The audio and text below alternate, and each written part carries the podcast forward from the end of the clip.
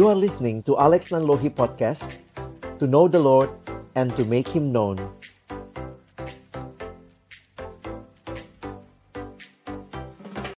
Baik, mari sebelum kita membaca merenungkan firman Tuhan, kita berdoa. Tuhan, terima kasih Engkau memanggil kami menjadi terang dunia. Kami bukan sumber terang itu, Engkaulah satu-satunya sumber terang yang sejati. Hanya kalau kami melekat kepadamu, kami bisa efektif memancarkan terangmu ya Tuhan. Dan biarlah Pujian yang tadi kami nyanyikan bersama mengingatkan kami untuk kami terus melekat kepadamu ya Tuhan. Mengalami Engkau dalam hidup kami supaya terangmu itu boleh sungguh nyata juga di dalam dan melalui hidup kami bagi orang-orang di sekitar kami. Tuhan terima kasih karena Tuhan menghadirkan kami dalam dunia yang gelap ini untuk menjadi alat kasih karunia Tuhan membawa orang-orang melihat kepada terang yang sejati. Dan biarlah seperti yang kami bahas minggu demi minggu di dalam sekolah minggu pemuda ini. Kami mau jadi saksi Tuhan. Kami mau terus-menerus boleh menjadi orang-orang yang menyatakan Tuhan yang hidup dalam diri kami. Dan karena itu pagi ini ketika kami kembali akan membaca merenungkan firman-Mu, kami mohon ya Tuhan sebelum kami menjadi terang bagi sekitar kami, Tuhan terangi kami terus. Biarlah kembali kami dibaharui oleh Tuhan supaya kami juga boleh menjadi pribadi-pribadi yang pertama-tama bercahaya di dalam Tuhan dan akhirnya juga di dalam dunia ini. Terima kasih Tuhan. Waktu ke depan kami persembahkan ke dalam tangan-Mu. Hamba yang menyampaikan, kami yang mendengar, Tuhan tolonglah juga interaksi di antara kami. Jadikan kami bukan hanya pendengar-pendengar firman yang setia, tapi mampukan dengan kuasa dari rohmu yang kudus, kami dimampukan menjadi pelaku-pelaku firman-Mu di dalam hidup kami, di dalam masa muda kami. Bersabdalah ya Tuhan kami sedia mendengarnya. Dalam satu nama yang kudus, nama yang berkuasa, nama Tuhan kami Yesus Kristus, kami menyerahkan pemberitaan firman-Mu. Amin. Shalom teman-teman sekalian, terima kasih kesempatan ini saya boleh sharing lagi kepada teman-teman dan tema yang diberikan kepada kita hari ini adalah stay calm in new normal. Ya, jadi menarik untuk kita melihat bahwa ya ini situasi yang tidak mudah, kita sudah mulai masuk ke new normal dan pagi ini next slide ini headline Kompas hari ini ya ngeri juga ya. Ternyata kemarin itu kasus positif tertinggi. Jadi waktu kita udah bicara masuk new normal, nah waktu saya coba lihat tema kita gimana bisa stay calm ya di tengah-tengah new normal yang kasus positif tertinggi sepanjang uh, sejarah Indonesia gitu ya dalam sejak Mei lah ya kalau kita lihat ini jadi hal yang tidak mudah. Sorry. Nah, kalau kita lihat new normal, next slide ya. Um, saya pikir ini satu pemahaman yang terus-menerus sedang banyak disampaikan, dibagikan berkaitan dengan ya next slide tentang corona ini gitu. Teman-teman, ini bukan hanya jadi masalah kesehatan, tetapi corona ini sudah menjadi masalah ekonomi, masalah sosial, masalah politik bahkan dan ini menunjukkan bahwa buat kita orang-orang percaya harusnya juga bisa melihat dengan tepat dalam perspektif yang tepat menyikapi new normal ini. Dan sikap untuk tenang saya pikir menjadi satu sikap yang Tuhan mau kita alami ya. Nah, sedikit tentang new normal. Ini next slide Jokowi dan new normal. Sebenarnya kan eh, istilah ini muncul dalam kenyataan bahwa virusnya masih ada. Bakal katanya mungkin tetap ada, vaksin mungkin baru ditemukan akhir tahun atau awal tahun depan atau ada yang mengatakan pertengahan tahun depan tetapi kita tidak bisa selamanya lockdown atau karantina di rumah harus ada sendi-sendi ekonomi yang bergerak sehingga kemudian kita masuk dalam tataran dunia baru, tataran kelaziman baru, new normal dan uh, presiden kita juga sudah mencanangkan hal itu Next slide. Nah, ini konsekuensi-konsekuensi yang akan terjadi dalam new normal. Jadi sebenarnya new normal ini adalah apa gitu ya. Saya kutipkan uh, satu infografis berikut next. New normal life adalah perubahan perilaku. Nah, menarik tuh, saya senang dengan istilah ini ya. Jadi bukan cuma perubahan hidup, tetapi lebih dalam lagi maksudnya ada perilaku yang berubah untuk tetap menjalankan aktivitas normal, namun ditambah dengan menerapkan protokol kesehatan guna mencegah terjadinya penularan COVID-19. Nah, teman-teman yang dikasihi Tuhan bicara new normal ini memang menarik ya. Ini beberapa hal yang harus kita patuhi nanti atau sekarang mulai dari sekarang begitu ya. Selalu pakai masker saat di luar rumah. Mungkin beberapa orang bilang, "Wah, saya mah selalu pakai masker, Kak." Sebelum corona juga udah pakai masker. Jadi mungkin ini bukan new normal buat teman-teman, tapi untuk sebagian besar orang yang sehari-hari hidupnya tidak bermasker, maka ini menjadi tatanan baru yang akan kita sama-sama jalani. Next slide. Nah, ini beberapa hal aja ya. Uh, waktu belanja tetap jaga jarak. Jadi boleh belanja boleh, tapi tetap jaga jarak. Waktu pulang dari mana-mana mesti mandi gitu ya. Nah, ada yang bilang saya memang begitu sih orangnya pulang dari mana-mana juga mandi, tapi ada yang waktu pulang dari mana-mana langsung tidur gitu ya. Uh, ini masalah pekerjaan, jaga jarak di kantor. Next. Nah, kalau ketemu nggak salaman dulu, wah ini pergumulan buat gereja ya. Yang kayaknya kita salaman bahkan cipika-cipiki. Nah, mungkin kita harus membiasakan diri kalau nanti sudah offline begitu ya. Lalu dalam kendaraan umum dan juga nah ini bisa jadi excuse yang terakhir ya. Next. kalau kamu flu nggak boleh ke kantor, bukan nggak usah ya nggak boleh gitu. Dan jangan sampai ini jadi alasan, eh aku flu gitu ya, sengaja supaya nggak ngantor begitu. Tapi Nah, ini satu realita yang harus kita hadapi bersama. Nah, teman-teman waktu saya coba mempelajari, coba lihat tentang new normal ini, akhirnya saya ngelihat begini ya, di Alkitab juga ternyata banyak kok contoh-contoh new normal gitu ya. Maksudnya ini mau menunjukkan kepada kita bahwa ini bukan hal yang baru buat orang percaya dan ada sikap yang harusnya orang percaya miliki di tengah-tengah situasi yang mungkin orang bilang tidak normal tapi sekarang kan kita nggak mau bilang nggak normal tapi kenormalan baru ya kelaziman yang baru. Nah ada satu cerita dalam perjanjian lama. Saya cuma akan angkat ini untuk memflash kita. Bukan berarti saya mengalegorikan tapi saya melihat bahwa ini sebuah realita yang pernah ada dan saya pikir akan selalu terjadi dalam kehidupan beriman kita. Ya next slide. Kita akan lihat dari bilangan 21 ayat 4 sampai ayat yang ke-9 ya. Bilangan 21 ayat 4 sampai ayat yang ke-9.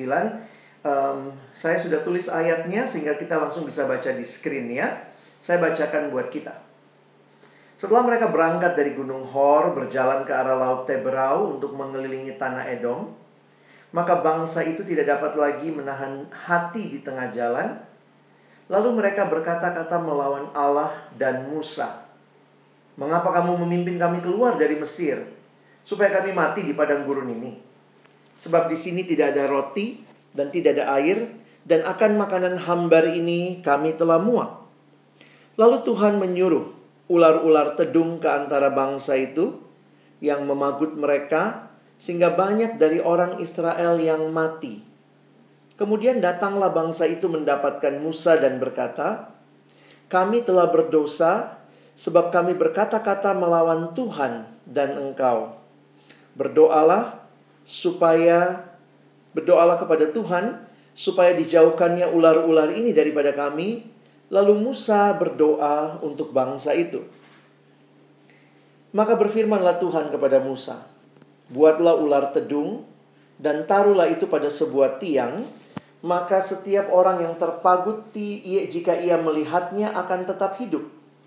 Lalu Musa menyuruh membuat ular tembaga dan menaruhnya pada sebuah tiang, maka jika seorang seseorang dipagut ular dan ia memandang kepada ular tembaga itu, tetaplah ia hidup. Nah, kita coba berhenti sebentar, kita coba renungkan. Mungkin dalam sekolah minggu kita pernah dengar cerita ini. Tapi bagi saya jadi menarik ya memperhatikan kembali cerita ini.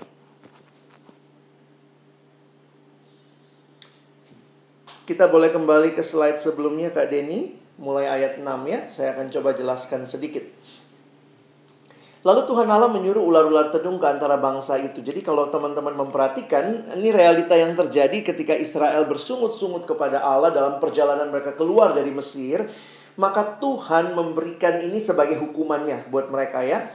Well, makanya saya bilang ini saya nggak alegorikan, saya nggak bilang bahwa sekarang corona ini pasti adalah hukuman Tuhan buat kita. Bagi saya cara kita melihat harus lebih luas. Tetapi waktu itu dalam konteks Israel, Tuhan menyuruh ular tedung ke antara bangsa itu. Di dalam bahasa aslinya, ular tedung itu sebenarnya dipakai gambaran uh, fiery snake. Jadi ular yang um, apa ya, fiery itu kayak ke kenapa disebut fiery? Karena kalau orang digigit itu nggak langsung mati teman-teman. Jadi yang kegigit ular tedung itu akan merasakan seperti terbakar tubuhnya dan sangat kehausan dan dia akan menderita begitu lama sebelum akhirnya mati. Jadi uh, satu penafsir Alkitab mengatakan kayak Tuhan mengizinkan itu terjadi ke Israel di tengah-tengah mereka juga yang merasa tidak puas. Jadi kayak Tuhan mengizinkan mereka mengalami ketidakpuasan yang mendalam seperti yang orang yang dipagut fiery snake itu terus merasa terbakar gitu ya kayak kepanasan dan akhirnya sesudah itu mati. Nah, teman-teman tapi apa yang menarik? Perhatikan mereka sadar ayat 7. Datang kepada Musa Lalu berkata kami telah berdosa sebab kami berkata-kata melawan Tuhan dan engkau. Sadar ya. Berdoalah kepada Tuhan supaya dijauhkannya ular-ular ini daripada kami. Lalu Musa berdoa untuk bangsa itu. Nah kira-kira nih Musa doanya apa ya? Apa apa isi doa Musa? Saya pikir sih kalau saya jadi Musa juga waktu itu dengan kondisi Israel seperti itu, paling gampang ya minta supaya ular tedungnya ditiadakan. Selesai gitu ya. Tapi Teman-teman lihat ayat selanjutnya. Ternyata Tuhan tidak melenyapkan ular tedung. Bukan itu cara Tuhan menyelesaikan pergumulan ini. Maka berfirmanlah Tuhan kepada Musa, buatlah ular tedung dan taruhlah itu pada sebuah tiang. Nah, itu satu replika ular tembaga. Nah, ingat waktu itu mereka masih dalam perjalanan ke tanah kanaan. Jadi mereka belum settle, mereka belum bangun rumah, mereka masih di tenda-tenda, mereka berkemah. Kalau Tuhan tiang awan berjalan, mereka kemudian bongkar tendanya, ikuti ke arah mana tiang awan membawa mereka. Jadi Musa diminta untuk membuat ular tembaga ditaruh pada sebuah tiang yang nampaknya bisa dilihat dari seluruh sisi perkemahan. Nah, ini menarik ya. Lalu kemudian kalau mereka dipagut, nah itu berarti ularnya tetap ada ya. ada ularnya. Tapi waktu mereka dipagut ular itu, maka cara penyembuhannya itu adalah memandang kepada ular tembaga itu. Nah, jika seorang dipagut ular dan ia memandang ular tembaga itu, tetaplah ia hidup. Saya suka kebayang kalau saya iseng gitu ya. Mungkin ada ular di kaki saya, ayo gigit terus, gigit terus sambil saya terus memandang kepada ular tembaga itu ya nggak mati nggak mati gitu ya tapi bagi saya ini menarik ya Israel masuk kepada masa new normal ularnya tetap ada tapi sekarang tentunya jangan membuat dirimu kepagut ular tetapi kalaupun sampai dipagut seorang yang dipagut ular itu waktu dia memandang kepada ular tembaga ia tetap hidup atau dalam bahasa yang lain kalau dia dipagut ular dan dia tidak mau memandang kepada ular tembaga itu, maka dia pasti mati. Teman-teman, memang gambaran ini adalah gambaran yang muncul lagi di perjanjian baru karena itu ini sering kali disebut tipologi. Nanti kalau teman-teman baca, munculnya di mana? Ayat apa yang paling kita ingat di perjanjian baru? Kita pasti paling ingat Yohanes 3 ayat 16. Ya, tapi coba kita lihat Yohanes 3 ayat 14 dan 15. Kalau Kak Lia bisa tolong bacakan buat kita Yohanes 3 ayat 14 dan 15.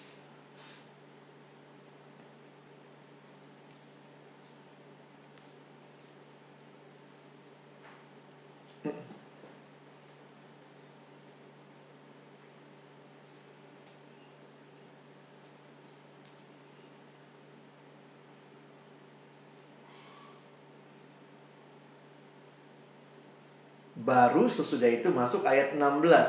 Karena begitu besar kasih Allah dan seterusnya. Jadi seperti Tuhan mau mengatakan begini. Di tengah-tengah situasi yang Israel alami, bahwa ular tedung tetap ada. Cara Tuhan menyelesaikan pergumulan ini bukan meniadakan ular tedung. Tetapi Tuhan menyuruh Musa membuat ular tembaga. Itu kayak lambang kimia farma ya. Makanya sekarang yang kesehatan tuh lambangnya kayak gitu ya. Tetapi kalau kita lihat dalam situasi yang lain, maka ditarik ke dalam perjanjian baru. Nah, teman-teman lihat ya eh, relasinya ya.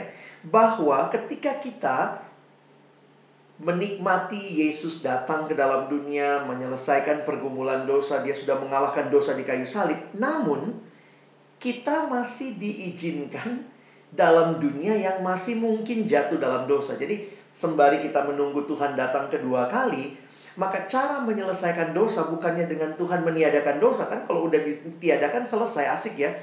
Tetapi teman-teman dan saya ketika Yesus datang pun kita sekarang masuk ke dalam masa new normal. Masih bisa berdosa? Masih bisa. Masih mungkin jatuh dalam dosa? Masih mungkin. Tetapi jangan lakukan itu, jangan sengaja uh, ada ular, ayo ayo ular uh, gigit-gigit saya gitu ya. Itu yang dilakukan di perjanjian lama, mereka memandang kepada ular tembaga. Demikian juga kita di dalam perjanjian baru engkau dan saya diminta untuk senantiasa memandang Kristus untuk menghidupi hidup normal yang baru di mana realita dosa tetap ada. Nah, ini yang saya bilang jadi saya coba merenungkan iya ya. Sama seperti vaksinnya belum ditemukan. Vaksinnya belum ditemukan tapi kemudian kita tahu virusnya masih ada di sekitar kita tapi kita harus menghidupi kenormalan baru, maka kita harus mentaati aturan-aturan yang ada. Dalam perbandingan yang sebenarnya jauh lebih sempurna, sebenarnya Kristuslah yang menjadi vaksinasi terhadap pandemi terbesar manusia yaitu dosa. Jadi kalau kita bicara pandemi pandemi yang benar-benar dialami sedunia itu sebenarnya dosa. Karena COVID-19 ini kan ya walaupun begitu banyak yang tertular tapi nggak sedunia. Tetapi yang menjadi realitas semua manusia berdosa, Roma 3 ayat 23. Dan karena itu kita lihat bahwa sudah ada. Vaksinnya bukannya belum ditemukan, sudah ada Kristus. Dan Kristus yang sudah menyelesaikan pergumulan dosa, Kristus yang juga memberikan kepada kita kesempatan menanti kedatangannya kedua kali. Dan dalam menanti kedatangannya kedua kali, realitanya teman-teman dan saya masih mungkin jatuh dalam dosa. Nah, bagaimana kita hidup berkemenangan atas dosa? Maka teruslah memandang kepada salib itu. Sama seperti mereka yang memandang kepada ular tedung itu di perjanjian lama. Maka Yesus mengatakan demikian juga. Karena begitu besar kasih Allah akan dunia ini. Di mana dia memberikan semuanya buat kita di kayu salib. Dan pandanglah kayu salib itu untuk menghidupi new normal kita. Jadi kalau kita mau bicara how to stay calm, kadang-kadang sekarang jujur aja ya, walaupun new normal kita nggak tenang-tenang banget ya. Karena vaksin belum ditemukan, tapi kita harus beraktivitas lagi. Tetapi ketika kita bicara new normal dalam iman kita kepada Tuhan, maka kita tahu bahwa cerita akhirnya Yesus sudah memenangkan pertempuran itu mengalahkan dosa, tapi dia akan datang kedua kali dan masa ini adalah masa di mana kita masih hidup dalam dunia yang masih mungkin jatuh dalam dosa dan cara berkemenangan atas dosa adalah pandang ke salib itu. That is our new normal. Bukannya menyerah sama dosa, that is not normal, that is old normal ya. But the new normal, dosa tetap ada, dosa masih mungkin kita lakukan, tapi jangan main-main lagi sama dosa sama seperti di perjanjian lama jangan main-main sama ular itu ya terus pelihara ularnya wah kita main-main asik gitu ya nggak apa-apa kalau kegigit tinggal lihat itu namanya orang yang tidak mensyukuri anugerah Allah. Nah, kan itu beberapa hal dalam kaitan new normal ya yang saya coba renungkan. Next slide ya. Apa sih yang perlu kita lakukan gitu ya? Ya, disuruh taati peraturan yang berlaku, punya disiplin yang tinggi. Jadi selalu ingat, memang orang paling takut sama disiplin ini. Karena orang Indonesia dianggap tidak lemah disiplinnya gitu ya. Ya berarti kita-kita juga gitu. Tapi saya pikir itu bukan masalah cuma orang Indonesia. Sebenarnya manusia berdosa itu disiplinnya rendah. Kenapa? Karena kita selalu mau melakukan apa yang kita mau. Bukan apa yang Tuhan mau atau kita nggak mau diatur oleh Tuhan. Jadi kadang-kadang sulit sekali mengikuti aturan. Tapi pada saat yang sama saya pikir juga kita mesti fleksibel karena realitanya bahwa kita ada dalam dunia yang sudah jatuh dalam dosa dan juga bagaimana kita bisa peduli sama sesama. Nah, teman-teman saya coba menarik hal ini kepada bagaimana kita menghidupi new normal dengan tetap tenang memandang kepada salib Tuhan di tengah-tengah uh, next slide ya.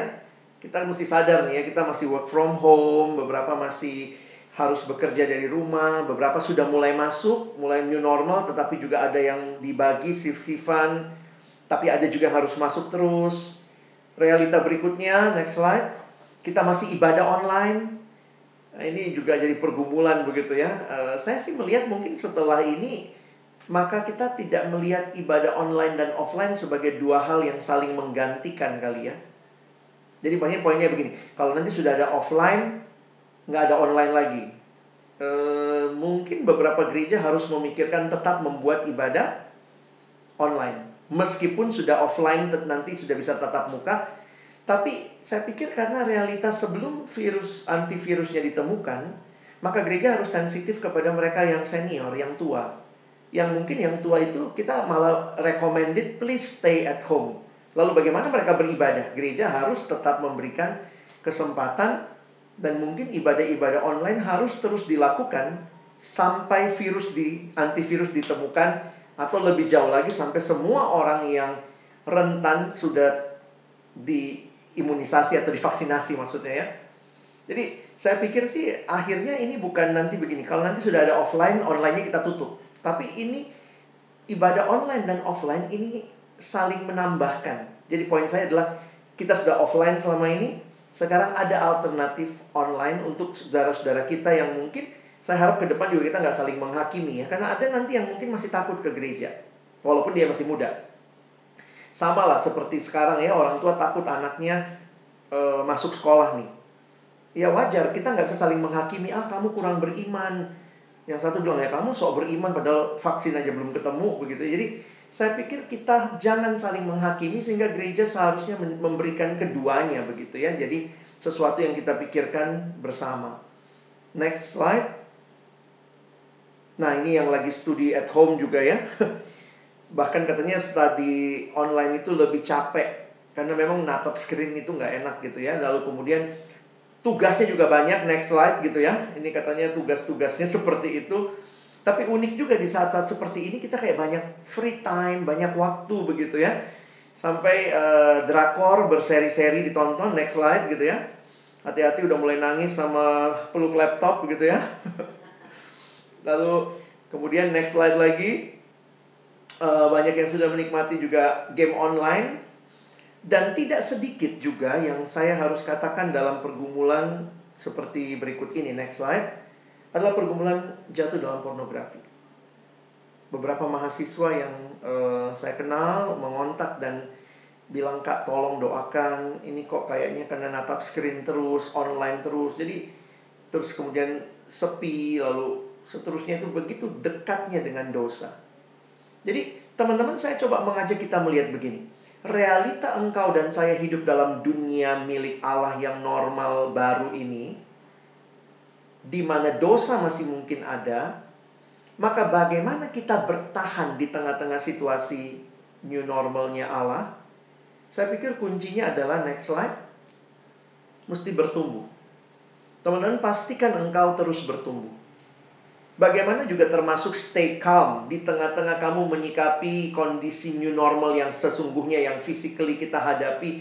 Pemerintah sudah mulai memberikan kelonggaran dan seterusnya. Maka saya melihat adalah kuncinya adalah iman yang bertumbuh kepada Tuhan menolong kita bisa tetap tenang melihat semua situasi dan melewati semua situasi. Ada satu ayat yang berkesan menutup kitab 2 Petrus, next slide.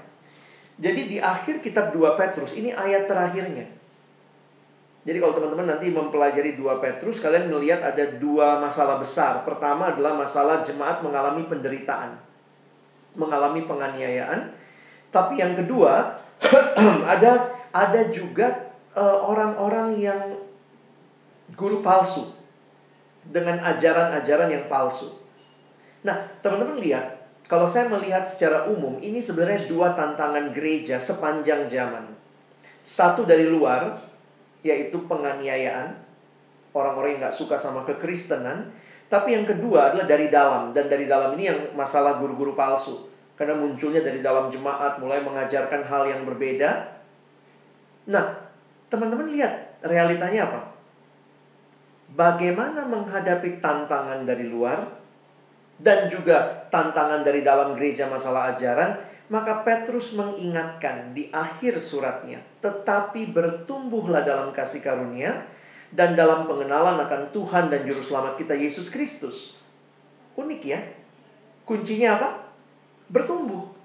Kamu bertumbuh, kamu bisa menghadapi tantangan dari luar maupun dari dalam. Karena dengan kamu bertumbuh, kamu bisa melihat apa yang benar, kamu bisa melihat apa yang seharusnya, dan di sisi yang lain, kamu pun bisa menyikapi situasi yang ada dan terjadi di luar dirimu. Teman-teman, banyak orang khawatir, ya tentu mungkin khawatir bisa muncul dan bisa ada karena realita seperti itu yang terjadi, tetapi kita bukan orang yang khawatir lalu seperti tidak punya Tuhan. Tapi kita khawatir dalam penyerahan kita kepada Tuhan. Kita jujur sama Tuhan, Tuhan kami takut. Tuhan kami kami sangat rentan Tuhan. Tetapi kita datang kepada pribadi yang tepat yaitu kepada Tuhan sendiri. Nah, bagaimana mengalami iman yang seperti ini? Bagaimana mengalami ketekunan yang seperti ini, keyakinan seperti ini, kebenaran seperti ini? Kuncinya bertumbuh, teman-teman. Jadi pertanyaan penting buat kita di tengah-tengah pandemi ini adalah bagaimana pertumbuhan rohanimu? Atau kalau saya pakai lagi istilah yang lain, apakah pergumulanmu melewati situasi seperti ini telah membuat kamu makin bertumbuh dalam imanmu? Nah, karena itu disiplin rohani kita bagaimana? Kadang-kadang lucu ya, banyak yang bilang katanya waktu banyak banget gitu bosen di rumah, maunya cepet-cepet keluar, maunya ke mall, maunya jalan, maunya nonton. Jadi terkesan sebenarnya kan banyak waktu ya. Tapi apakah banyak waktu juga kita pakai untuk lebih baca firman lebih lama? Kita pakai waktu untuk berdoa sehingga situasi-situasi hidup tidak membuat kita tenggelam dengan kesibukan kita tetapi benar-benar juga mengalami pertumbuhan yang indah di dalam Tuhan. Next slide. Ini ilustrasi roda. Beberapa kali kalau saya khotbah saya sering kali pakai ini untuk menggambarkan karena sangat jelas, sangat menarik dan sangat simple. Ketika digambarkan bagaimana kunci orang Kristen yang taat atau orang Kristen yang bertumbuh. Maka ilustrasi ini disebut ilustrasi roda karena menggambarkan seperti sebuah roda, maka roda itu yang muter yang mana ya teman-teman? Porosnya ya, pusatnya. Jadi di pusat hidup harus ada Kristus. Lalu digambarkan ada dua jari-jari, satu yang vertikal hubungan dengan Allah, satu yang horizontal hubungan dengan sesama. Perhatikan, yang vertikal hubungan dengan Allah, saya bicara kepada Tuhan itu di dalam doa. Lalu Tuhan bicara kepada saya di dalam firman. Makanya dari sekolah minggu juga kita udah tahu ya bagaimana bertumbuh adik-adik baca kitab suci, doa tiap hari itu sebenarnya baru relasi vertikal. Tetapi juga ada relasi horizontal yang Tuhan berikan dengan sesama. Nah, kita lihat ada dua hal ya. Pertama ke dalam, itu yang ke dalam adalah bersekutu dengan sesama orang percaya, kita harusnya rajin bersekutu. Itu kunci pertumbuhan ada sekolah minggu seperti ini, ada kebaktian mungkin PKMB atau apa yang teman-teman bisa ikuti untuk bertumbuh, ada ibadah-ibadah yang di mana kita bisa mengalami dikuatkan dalam firman itu itu kebutuhan kita. Dan satu lagi keluar, keluar itu adalah kepada orang-orang yang belum kenal Tuhan, bagaimana kita bersaksi. Dan saya pikir itu yang teman-teman sudah coba pelajari sepanjang uh, sekolah minggu beberapa minggu ini atau bulan ini bagaimana bersaksi. Orang yang bersaksi adalah orang yang sudah menikmati relasi dengan Tuhan, relasi dengan sesama, dan kemudian seperti ilustrasi yang tadi Kak Denny bagikan dalam him yang kita nyanyikan tadi, adalah kita hadir di dalam dunia jadi berkat. Nah, apakah ini terjadi nih di, di dalam masa-masa pandemi ini? Memang harusnya lagunya lebih utuh ya. Bagaimana bertumbuh, baca kitab suci, doa tiap hari, rajin bersekutu, dan giat bersaksi. Jadi harusnya ada empat hal ini ya. Kadang-kadang kita cuma ngajarin baca kitab suci doa, tapi kemudian nanti kalau dia udah gede nggak mau datang kebaktian, nggak mau ikut pelayanan, disuruh ayo bersaksi dengan kamu melayani nggak mau. Harusnya sini utuh ya. Nah pertanyaan kita adalah apakah situasi hidup seperti ini teman-teman terus bertumbuh? Bagaimana jam doa kita? Bagaimana kesempatan kita membaca firman setiap waktu? Apakah persekutuan kebaktian-kebaktian yang disediakan bagi kita kita ikuti dengan satu antusiasme yang tinggi? Ya tentu memang nggak gampang ya. Ini situasi lagi seperti ini. Ada yang bilang sebenarnya sama aja ya. Kalau sekalinya malas memang malas mau ibadah ke gereja, malas bangun pagi, mau ibadah online juga malas bangun pagi. Jadi sebenarnya masalah utamanya bukan online atau offline ya, malesnya gitu ya. Jadi kita mesti atasi itu, kita mesti sadar betul dan kita tahu bahwa untuk bertahan dalam situasi hidup yang sulit, teman-teman dan saya butuh terus bertumbuh. Next slide. Nah, ini gambaran tadi ya dari hal-hal yang harus kita lakukan, bagaimana baca kitab suci, berdoa, bersekutu, dan akhirnya kita bersaksi di tengah dunia. Nah, teman-teman saya mau menutup dengan uh, beberapa perenungan sebenarnya. Yang perenungan ini saya coba hayati begini ya. Saya mungkin jelaskan dulu sebelum kita lihat slide-nya ya saya jadi terus berpikir begini, Tuhan, bagaimana menghadapi atau menyikapi pergumulan? Karena pergumulan itu ternyata kalau teman-teman hayati ya, pergumulan itu silih berganti kok dalam hidup. Jadi jangan merasa bahwa baru kali ini kita ngadepin pergumulan corona. Sebelum corona teman-teman punya pergumulan nggak? Ya pasti punya lah. Jadi pergumulan itu udah bagian dari hidup. Nggak ada hidup tanpa pergumulan, tanpa kesukaran, tanpa penderitaan. Jadi sebenarnya hidup itu adalah seperti serangkaian pergumulan yang Tuhan izinkan kita alami. Jadi uh, memang karena ini pas corona jadi masalah sedunia semua jadi ngomong gitu ya. Kalau masalah jomblo kan itu cuma masalah beberapa orang gitu ya. Masalah kurang duit itu masalah beberapa orang. Masalah skripsi yang nggak kelar-kelar itu masalah beberapa orang. Bayangkan kalau sedunia skripsi nggak selesai. Jadi itu menjadi pandemi juga gitu kali ya. Tapi ini karena corona ini jadi masalah sedunia, jadi kayaknya besar banget, lalu kayaknya, waduh bagaimana menghadapinya? Tapi saya pikir orang Kristen harusnya punya teologi yang pas atau cara pandang yang tepat melihat memang hidup itu serangkaian pergumulan. Nah, kalau begitu jadi pertanyaannya begini. Kalau pergumulan demi pergumulan itu Tuhan izinkan ada dalam hidup, sebenarnya apa sih yang harusnya kita sikapi Nah, saya akhirnya mengubah pertanyaannya begini. Kalau hidup ini adalah serangkaian pergumulan, maka Tuhan mau ajarin apa buat saya lewat pergumulan-pergumulan itu. Nah, itu menolong kita lewati pergumulan itu dengan terus bertumbuh. Ketimbang kita terus bertanya kenapa Tuhan, kenapa Tuhan dan memang juga kita belum bisa kasih jawaban kan? Kita nggak bisa bilang bahwa ini cara Tuhan, apa e, memang Tuhan kasih ini buat kita dan seterusnya. Karena cara berpikirnya saya balik gitu ya. Kalau hidup itu serangkaian pergumulan demi pergumulan, sebenarnya melaluinya Tuhan mau bentuk apa buat hidup saya? Buat hidup Alex, buat hidup teman-teman. Harusnya kita bertanya seperti itu. Karena apa? Setelah corona ini nanti ada pergumulan lagi. Setelah pergumulan lagi, ada lagi pergumulan. Nanti terus ada pergumulan. Jadi bagaimana menyikapinya? Tanya, Tuhan mau apa?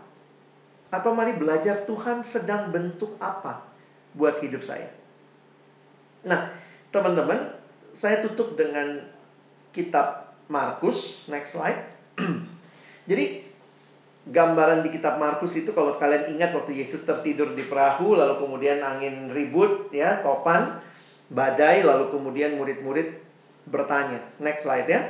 Ini ada ayatnya. Lalu mengamuklah taufan yang sangat dahsyat dan ombak menyembur masuk ke dalam perahu sehingga perahu itu mulai penuh dengan air. Next. Pada waktu itu Yesus sedang tidur di buritan dalam sebuah tilam, maka murid-muridnya membangunkan dia dan berkata kepadanya, "Perhatikan, Guru, engkau tidak peduli kalau kita binasa?" Next. Ia pun bangun menghardik angin itu dan berkata kepada danau itu, "Diam, tenanglah. Lalu angin itu reda dan danau itu menjadi teduh sekali. Next. Lalu ia berkata kepada mereka, "Mengapa kamu begitu takut? Mengapa kamu tidak percaya?" Lalu ditutup dengan kalimat ini, mereka menjadi sangat takut dan berkata seorang kepada yang lain, "Siapa gerangan orang ini sehingga angin dan danau pun taat kepadanya?" Teman-teman perhatikan dulu begini ya. Waktu saya membaca cerita ini, muncul pertanyaan seperti yang Yesus tanyakan tadi. Boleh balik satu slide Kak Denny? Mengapa kamu begitu takut? Mengapa kamu tidak percaya? Saya menyimpulkannya sebaliknya begini. Kalau begitu, sebenarnya Tuhan mau murid-muridnya melewati badai itu makin percaya. Makin tidak takut.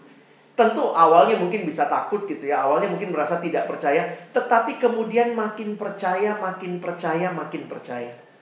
Dan saya pikir itulah sebenarnya kehidupan kita. Kita ini orang Kristen disebut orang percaya. Tapi memang salah satu hal yang paling sulit kita lakukan adalah percaya itu sendiri. Karena itu saya coba menghayati. Ternyata ketika Tuhan mengizinkan murid-muridnya melalui pergumulan demi pergumulan itu, Tuhan mau murid-muridnya makin percaya. Makin percaya berarti makin tahu siapa Allah. Makin tahu siapa Allah berarti makin berserah kepada Allah. Dan yang menarik coba balik lagi pertanyaannya ya. Next pertanyaan sebelumnya. Guru, engkau tidak peduli kalau kita binasa? Teman-teman ini pertanyaan yang mungkin muncul juga dalam benak kita di saat pandemi. Munculnya apa? Tidak percaya sama Tuhan atau mencurigai Tuhan. Lalu pikirnya gini, Tuhan kayaknya lagi nggak baik nih sama saya. Jadi ternyata pergumulan hidup sering kali membuat kita merasa Tuhan ini kayaknya lagi nggak benar sama saya. Tuhan ini kayaknya kurang bagus jadi Tuhan begitu ya. Guru engkau kok kayaknya nggak mengasihi kami. Banyak orang bertanya tentang kasih Tuhan dalam masa-masa seperti ini. Betulkah Tuhan mengasihi kita? Betulkah Tuhan mengasihi kita? Tetapi waktu saya melihat dua pertanyaan ini, lalu Yesus kan nanya, mengapa kamu takut? Mengapa kamu tidak percaya? Saya kemudian melihat berarti Tuhan mau saya melalui peristiwa krisis hidup, apa pun itu, corona dan mungkin sesudah itu masalah finansial, masalah kesehatan, Tuhan mau teman-teman dan saya makin kenal dia. Sehingga ini pertanyaan buat kita. Dalam masa krisis, sekarang ini lagi pandemi Covid, siapa Yesus yang makin kamu kenal? Siapa Yesus yang makin kamu percaya? Ketika di ada satu tafsiran Alkitab saya baca dia bilang menarik juga dia dia bilang kalimatnya begini ya. Kenapa Yesus tidur? Kayaknya cuek banget gitu ya. Tentu memang Yesus capek karena dia manusia sepenuhnya juga dia tertidur. Tetapi ada satu kalimat yang menarik. Seperti Yesus mau mengatakan, seharusnya sikapmu kalau kamu percaya, kira-kira kamu bisa kayak aku, tidur gitu ya. Atau Yesus bisa tidur dengan begitu tenang karena dia tahu bahwa Bapakku, Allahku mengontrol segala sesuatu. Ini bukan masalah cuek, skeptis, tapi benar-benar penyerahan penuh kepada Tuhan sebenarnya bisa membuat kita tenang. Dan inilah yang menjadi tema kita hari ini. Who is Jesus yang teman-teman dan saya makin pelajari, yang makin percayai melewati badai ini. Next slide, kita balik ke beberapa slide terakhir. Ternyata melalui peristiwa itu, murid-murid paling tidak makin percaya Yesus itu berkuasa atas alam. Nah, nanti teman-teman lihat lagi ya. Karena cerita Markus ini lanjut lagi. Dan bagi saya, kata kuncinya adalah kata percaya. Di Markus pasal 5, Waktu itu mereka sampai ke seberang setelah danau tenang mereka kemudian sampai ke seberang lalu Yesus berhadapan dengan orang yang dirasuk roh jahat. Setelah murid-murid melihat itu, itu kan krisis juga ya. Tiba-tiba, wih ada orang yang kerasukan roh jahat lalu datang dan kemudian begitu rupa berseru-seru kepada Yesus berkata apa maumu gitu. Lalu setelah murid-murid melewati itu, apa yang mereka makin percaya? Oh Yesusku adalah Yesus yang berkuasa atas setan. Jadi kalau tadi hanya atas alam, sekarang atas setan. Next slide. Perhatikan lagi, dilanjutkan Markus pasal 5, Yesus berkuasa atas penyakit perempuan yang pendarahan sekian 12 tahun itu. Teman-teman menarik ya, sebenarnya waktu dia sentuh jubah Yesus dia udah sembuh. Harusnya Yesus sudah ya, nggak usah tanya, siapa yang sentuh aku? Muridnya juga bingung, siapa yang sentuh? Gimana ini banyak begini orang? Bagi saya menarik Tuhan Yesus tidak hanya memberikan penyembuhan atas penyakit perempuan itu dengan dia sentuh sebenarnya dia sudah sembuh. Tetapi jangan lupa penyakit perempuan pendarahan membuat dia tidak bisa terlibat dalam keagamaan sehari-hari karena wanita yang pendarahan nggak boleh masuk dalam rumah ibadat. Jadi sebenarnya Tuhan Yesus juga memulihkan wanita itu secara sosial. Tuhan Yesus panggil, mari tampil ke depan. Siapa yang sentuh aku? Dan perempuan itu tampil dan Yesus berkata, engkau sudah sembuh. Padahal dia sudah sembuh sebelumnya gitu ya. Ini bagi saya juga mau menunjukkan bahwa Yesus punya kuasa, Yesus punya compassion untuk orang yang outcast waktu itu karena religious outcast gitu ya. Dan terakhir, kalau teman-teman perhatikan, ini kan perjalanan Yesus juga menyembuhkan uh, anak dari uh, Yairus itu ya. Dan ini uh, bukan menyembuhkan, membangkitkan. Dan ingat ya, saya kalau bayangkan saya jadi murid ya, murid yang tadinya ikut dalam perahu, ada storm, Yesus berkuasa atas alam. Ada masuk murid-murid ikut sama dia pelayanan ke apa orang yang kerasukan setan, makin percaya iya ya Yesus ini lebih berkuasa dari setan Lalu kemudian lihat perempuan itu, Yesus bisa aja nggak ngomong ya. Tapi Yesus panggil dan murid-murid lihat, oh ini ya wanita yang sembuh. Dan itu pun membuat mereka menyadari bahwa ada pembaharuan yang terjadi. Yesus berkuasa atas penyakit dan murid-murid ikut dan melihat bahwa Yesus sanggup membangkitkan dari kematian.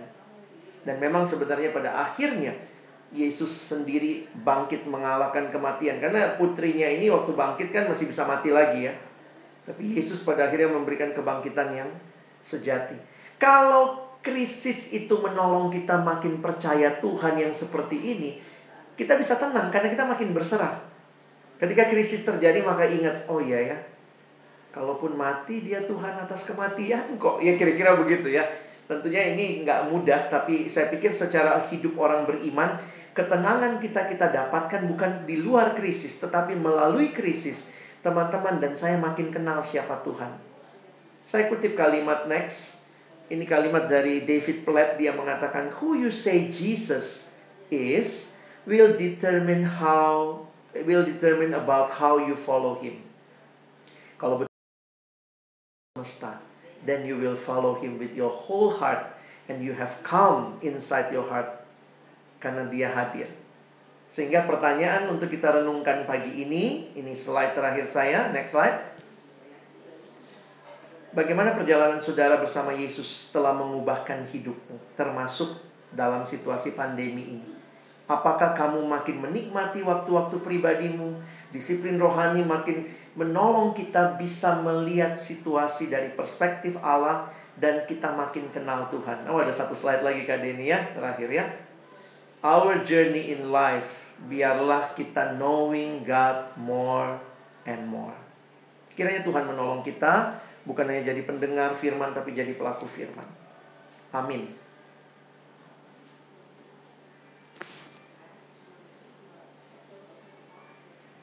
Oke, terima kasih Bang Alex untuk uh, firman Tuhan yang boleh uh, menolong kita dan menguatkan kita kembali bahwa Allah kita bukan hanya Allah yang ada tetapi dia berkuasa.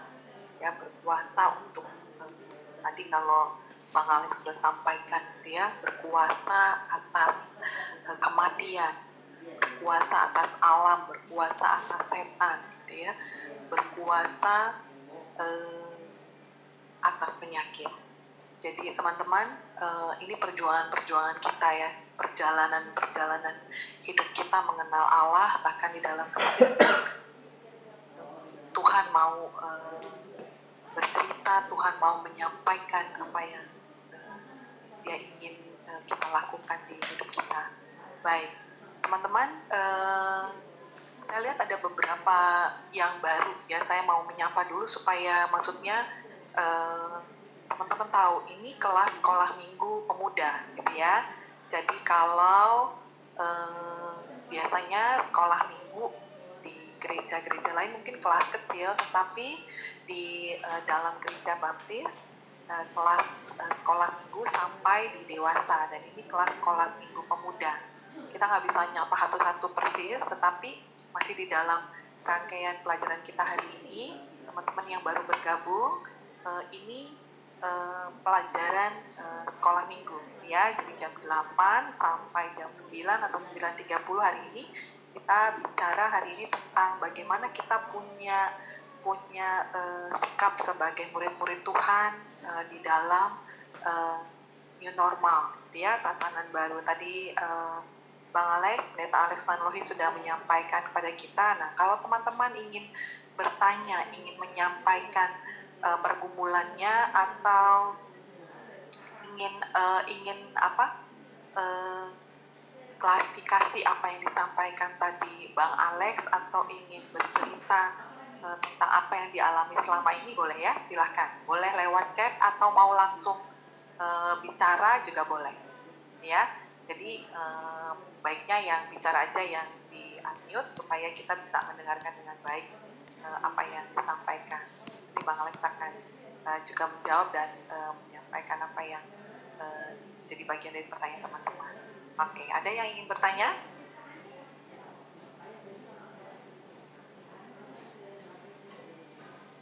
Langsung di unmute aja ya, supaya uh, kita bisa bisa apa? Tahu ada yang mau menyampaikan sesuatu. Ada?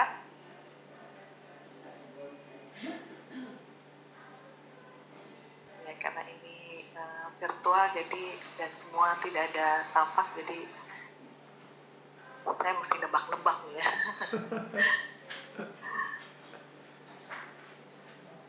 Oke, okay, guru-guru ada yang mau disampaikan?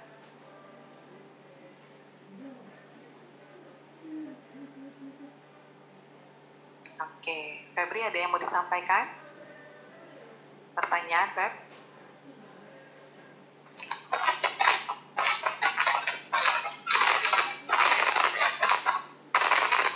Oh, Febri kan oke.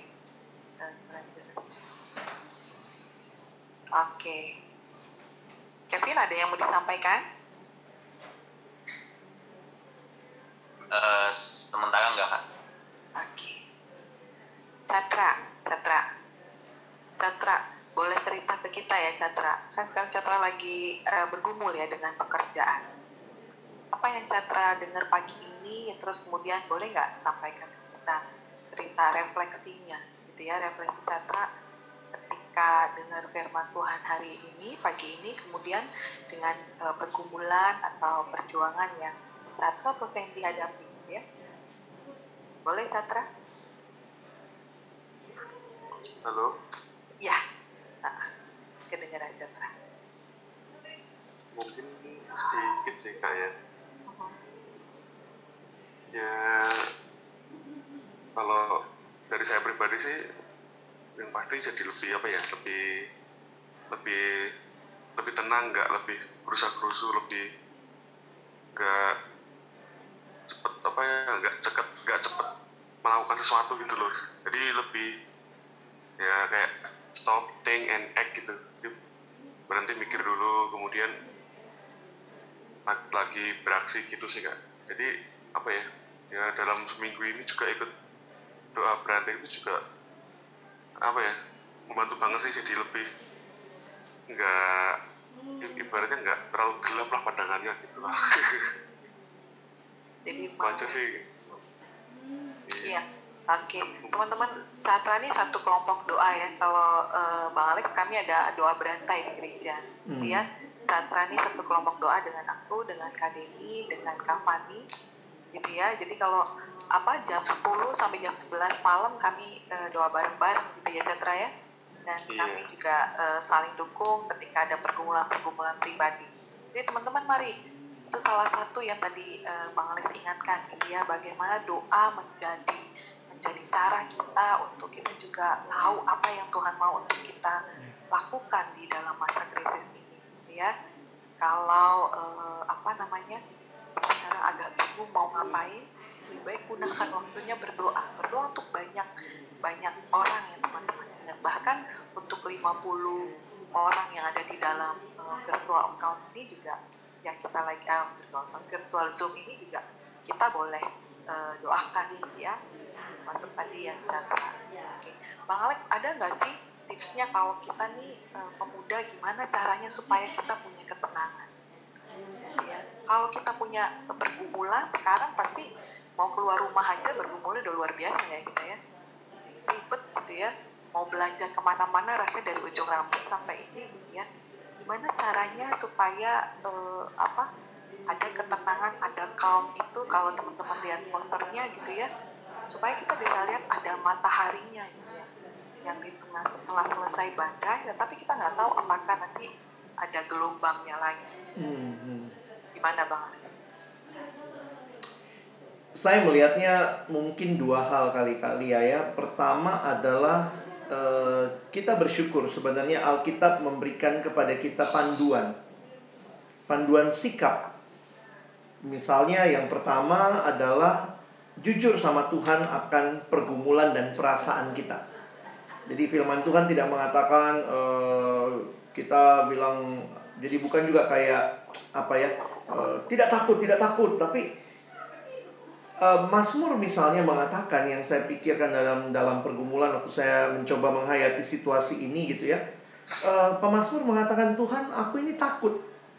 Tapi menariknya yang kedua, waktu aku ini takut, aku ini percaya kepadamu.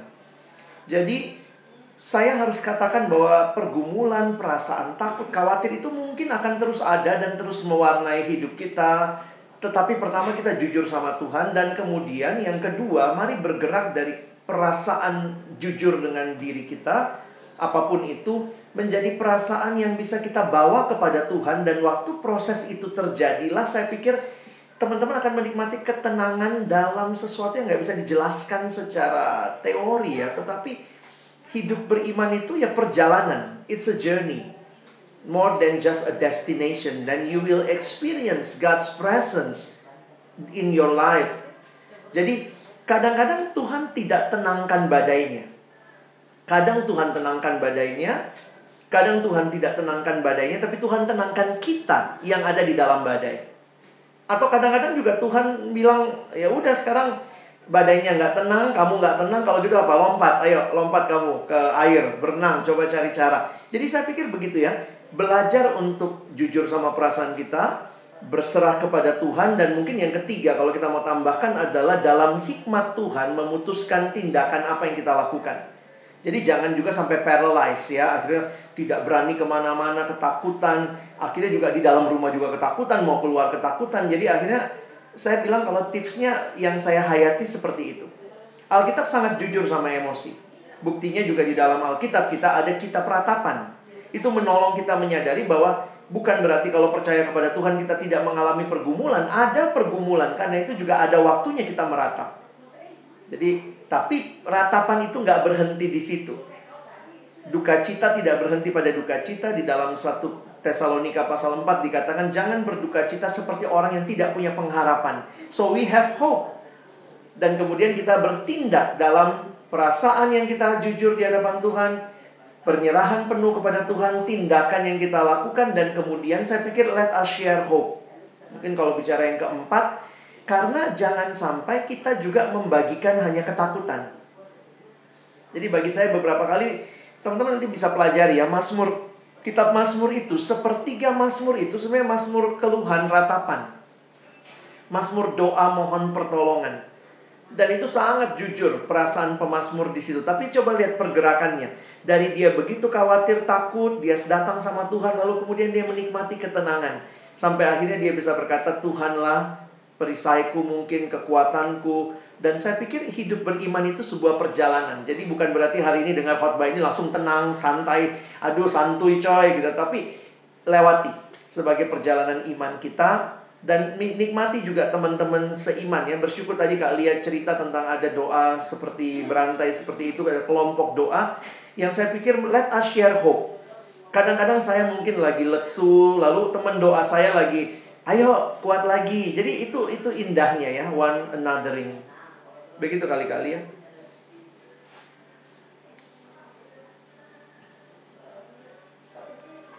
Uh, Alex ya.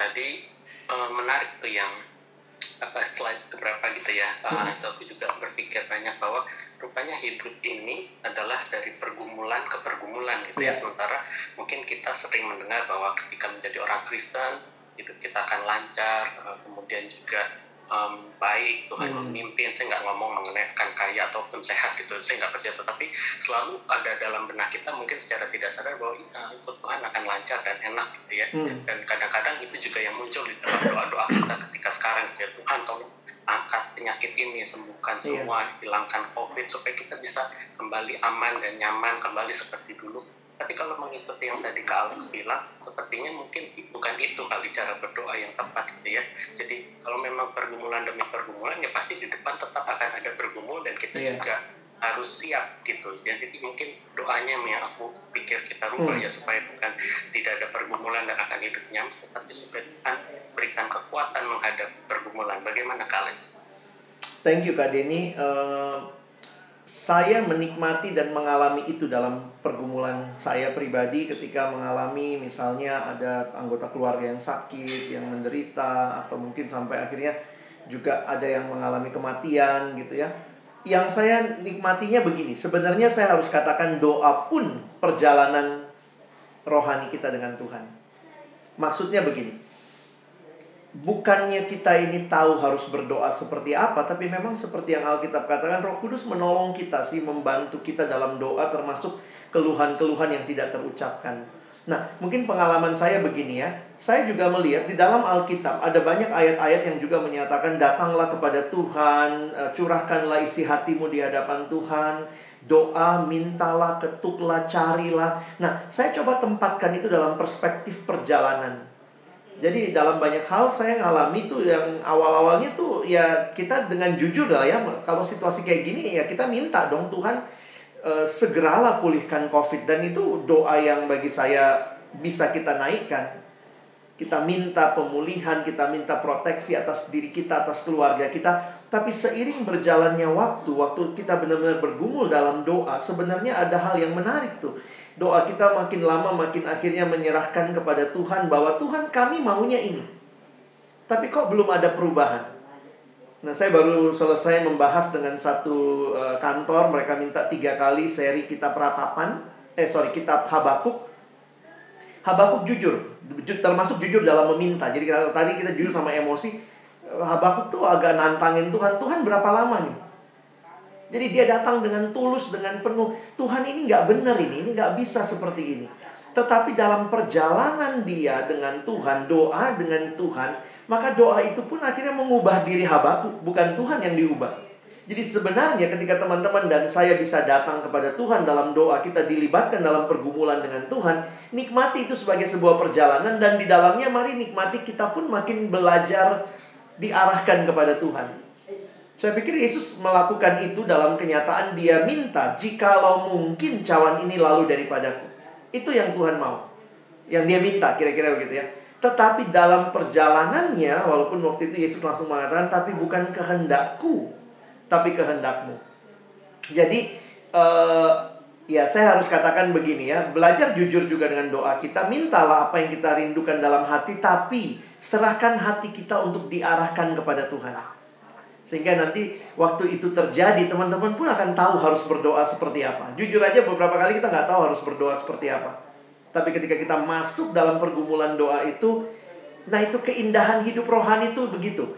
Jangan cuma datang kepada Tuhan kalau lagi ada maunya begitu ya. Ya tapi ya walaupun itu juga jadi cara Tuhan ya. Mungkin waktu ada pergumulan akhirnya kita datang sama Tuhan. Karena kalau kita punya hidup tanpa pergumulan, saya pikir mungkin kita juga udah nggak datang sama Tuhan ya. Toh semua aman-aman aja gitu. Mungkin gitu kali Kak Denny ya.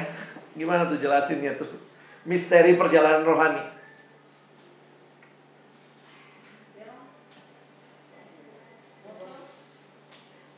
Oke, teman-teman ada lagi yang mau eh, bertanya atau ingin eh, menyampaikan pendapatnya? Judea kan Oke, silakan ya. ya thank you bang Alex Sama-sama. uh, sharingnya luar biasa paling aku cuman apa ya kalau uh, reverse sama yang awal tadi itu kan um, tentang gimana ya kita new normal kita ngadepin um, masih ada dosa tetap ada gitu kan virus masih ada gitu. tapi puji Tuhan vaksinnya udah ada ya terus nah, ya saya ngebayangin kayak um, dulu keluar rumah tuh nggak pernah bawa persenjataan kan. Kayak cuman jalan ke mana kan.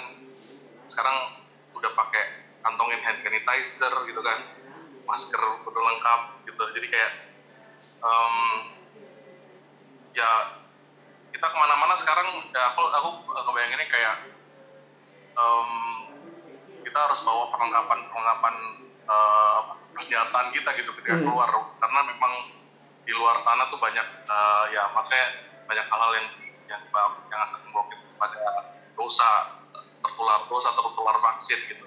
Even even nggak keluar even di kamar aja udah bisa uh, dosa gitu, gitu. Jadi kayak bener-bener gimana pun memang perlengkapan itu uh, harus ada dan siap gitu.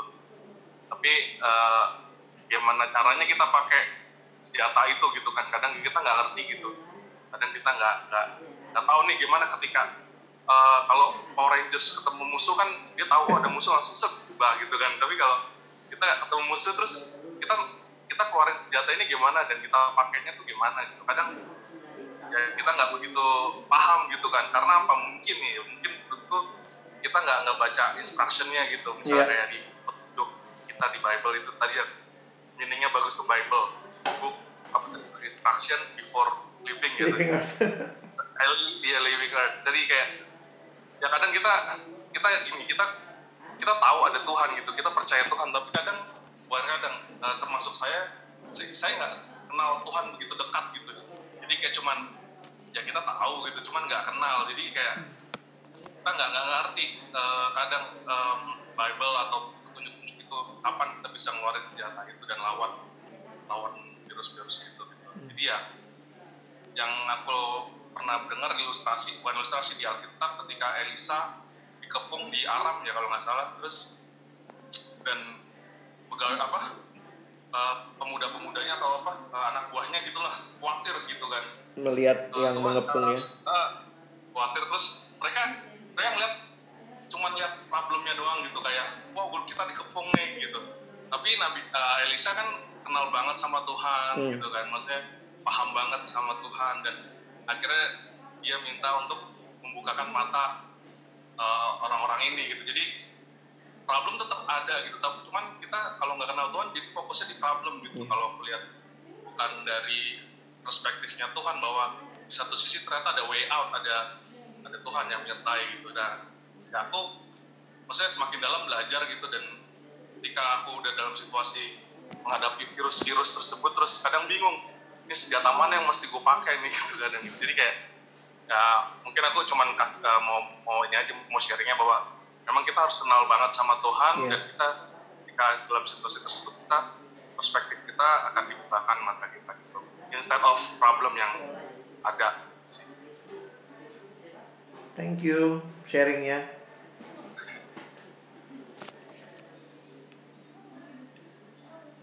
Oke, terima kasih Yud. Teman-teman yang lain ada yang mau eh, menyampaikan sesuatu? Satu lagi? Oke. Silakan Angel. Eh, kemarin aku mau sharing sekalian nanya dikit mungkin ya eh, Alex thank you buat sharingnya bagus banget Eh, dengeran ya dengeran ya jadi pokoknya jadi kemarin aku udah sharing juga sih di KMBI tentang em, apa sih yang aku rasain setelah menghadapi beberapa bulan dengan corona ini maksudnya dengan keadaan ada virus corona ini Eh, dan adanya protokol baru untuk new normal. Kemarin udah sharing juga di KMBI tapi mungkin yang yang join di sini mungkin ada beda jadi bisa sharing lagi. Jadi eh, yang kulihat sih dari new normal ini kan nanti kayak bakal ada banyak protokol baru. Kayak tadi kita keluar harus pakai masker ataupun kita harus jaga jarak. Ataupun kalau nggak salah si Anies juga bilang eh, kantor tuh bakal 50 50 persen dan ganti-gantian. Maksudnya ya kalau misalnya nggak salah Eh, juga nanti yang pernikahan cuma boleh berapa orang gitu. Nah eh, apa yang kulihat sih dari new normal ini tuh kita belajar bahwa eh, mana hal yang paling esensial gitu untuk kita lakuin gitu. Mana hal yang paling penting untuk kita lakuin. Uh, kayak misalkan contohnya kayak wisuda aja. Wisuda aja kita tuh bisa ngeluarin uang tuh banyak banget bahkan untuk uh, orang tua datang aja tuh harus bayar. Padahal yang yang paling penting di situ tuh bukan kita kita datang kita dapat makanan tapi ketika orang tua anak-anaknya tuh bisa lulus gitu. Dan ketika sekarang ada wisuda online orang-orang uh, tuh bisa ikut wisuda online dan tetap mereka tuh nangis gitu aku lihat di story story gitu. Karena karena yang paling penting adalah mereka tuh sadar bahwa mereka udah bisa lewati beberapa tahun uh, studi itu dan tetap bisa wisuda gitu lalu nanti ada protokol tentang pernikahan gitu. Gak lama sebelum corona tuh pernah baca uh, di twitter tuh mereka bahas kamu tuh keluar berapa sih untuk pernikahan? gitu. Ada yang bilang oh gue sampai berhutang nih gitu. Sama orang tua gue atau gue sampai berhutang banyak banget sampai gue sampai, udah nikah pun gue masih ada utang. Utangnya apa? Bukan utang rumah gitu. Itu utang resepsi gitu. Jadi kayak hal-hal yang, yang uh, sebenarnya bukan esensial itu menjadi beban untuk banyak orang gitu. Nah ketika corona tuh aku baca kemarin di Twitter eh di mana di Twitter di Instagram tuh bilang cuma pernikahan itu cuma boleh 30 orang.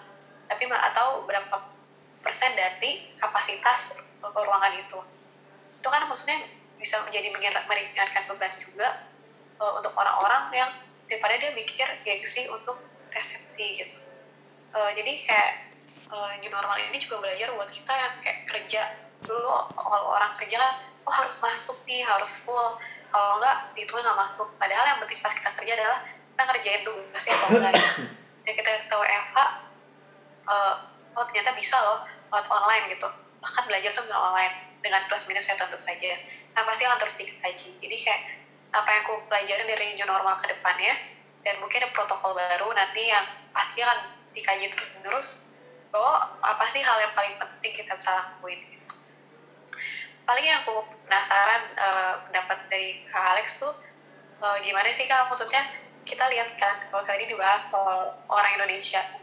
Orang Indonesia itu kayak susah disiplin gitu. Bahkan ketika udah ada PSBB pun kafe-kafe itu masih ada yang buka gitu kan. Itu masih ada yang buka dan ramai gitu. gimana sih uh, bisa kita menghadapi orang-orang yang uh, susah gitu kalau untuk mau disiplin dan peduli sama orang? Bahkan kayak corona ini kan juga nggak asiknya nggak tadi nggak cuma medis doang tapi bisa banyak asik aja sih kan hmm. thank you sharingnya Angel. Um, ya gimana ya pemerintah juga berjuang sih.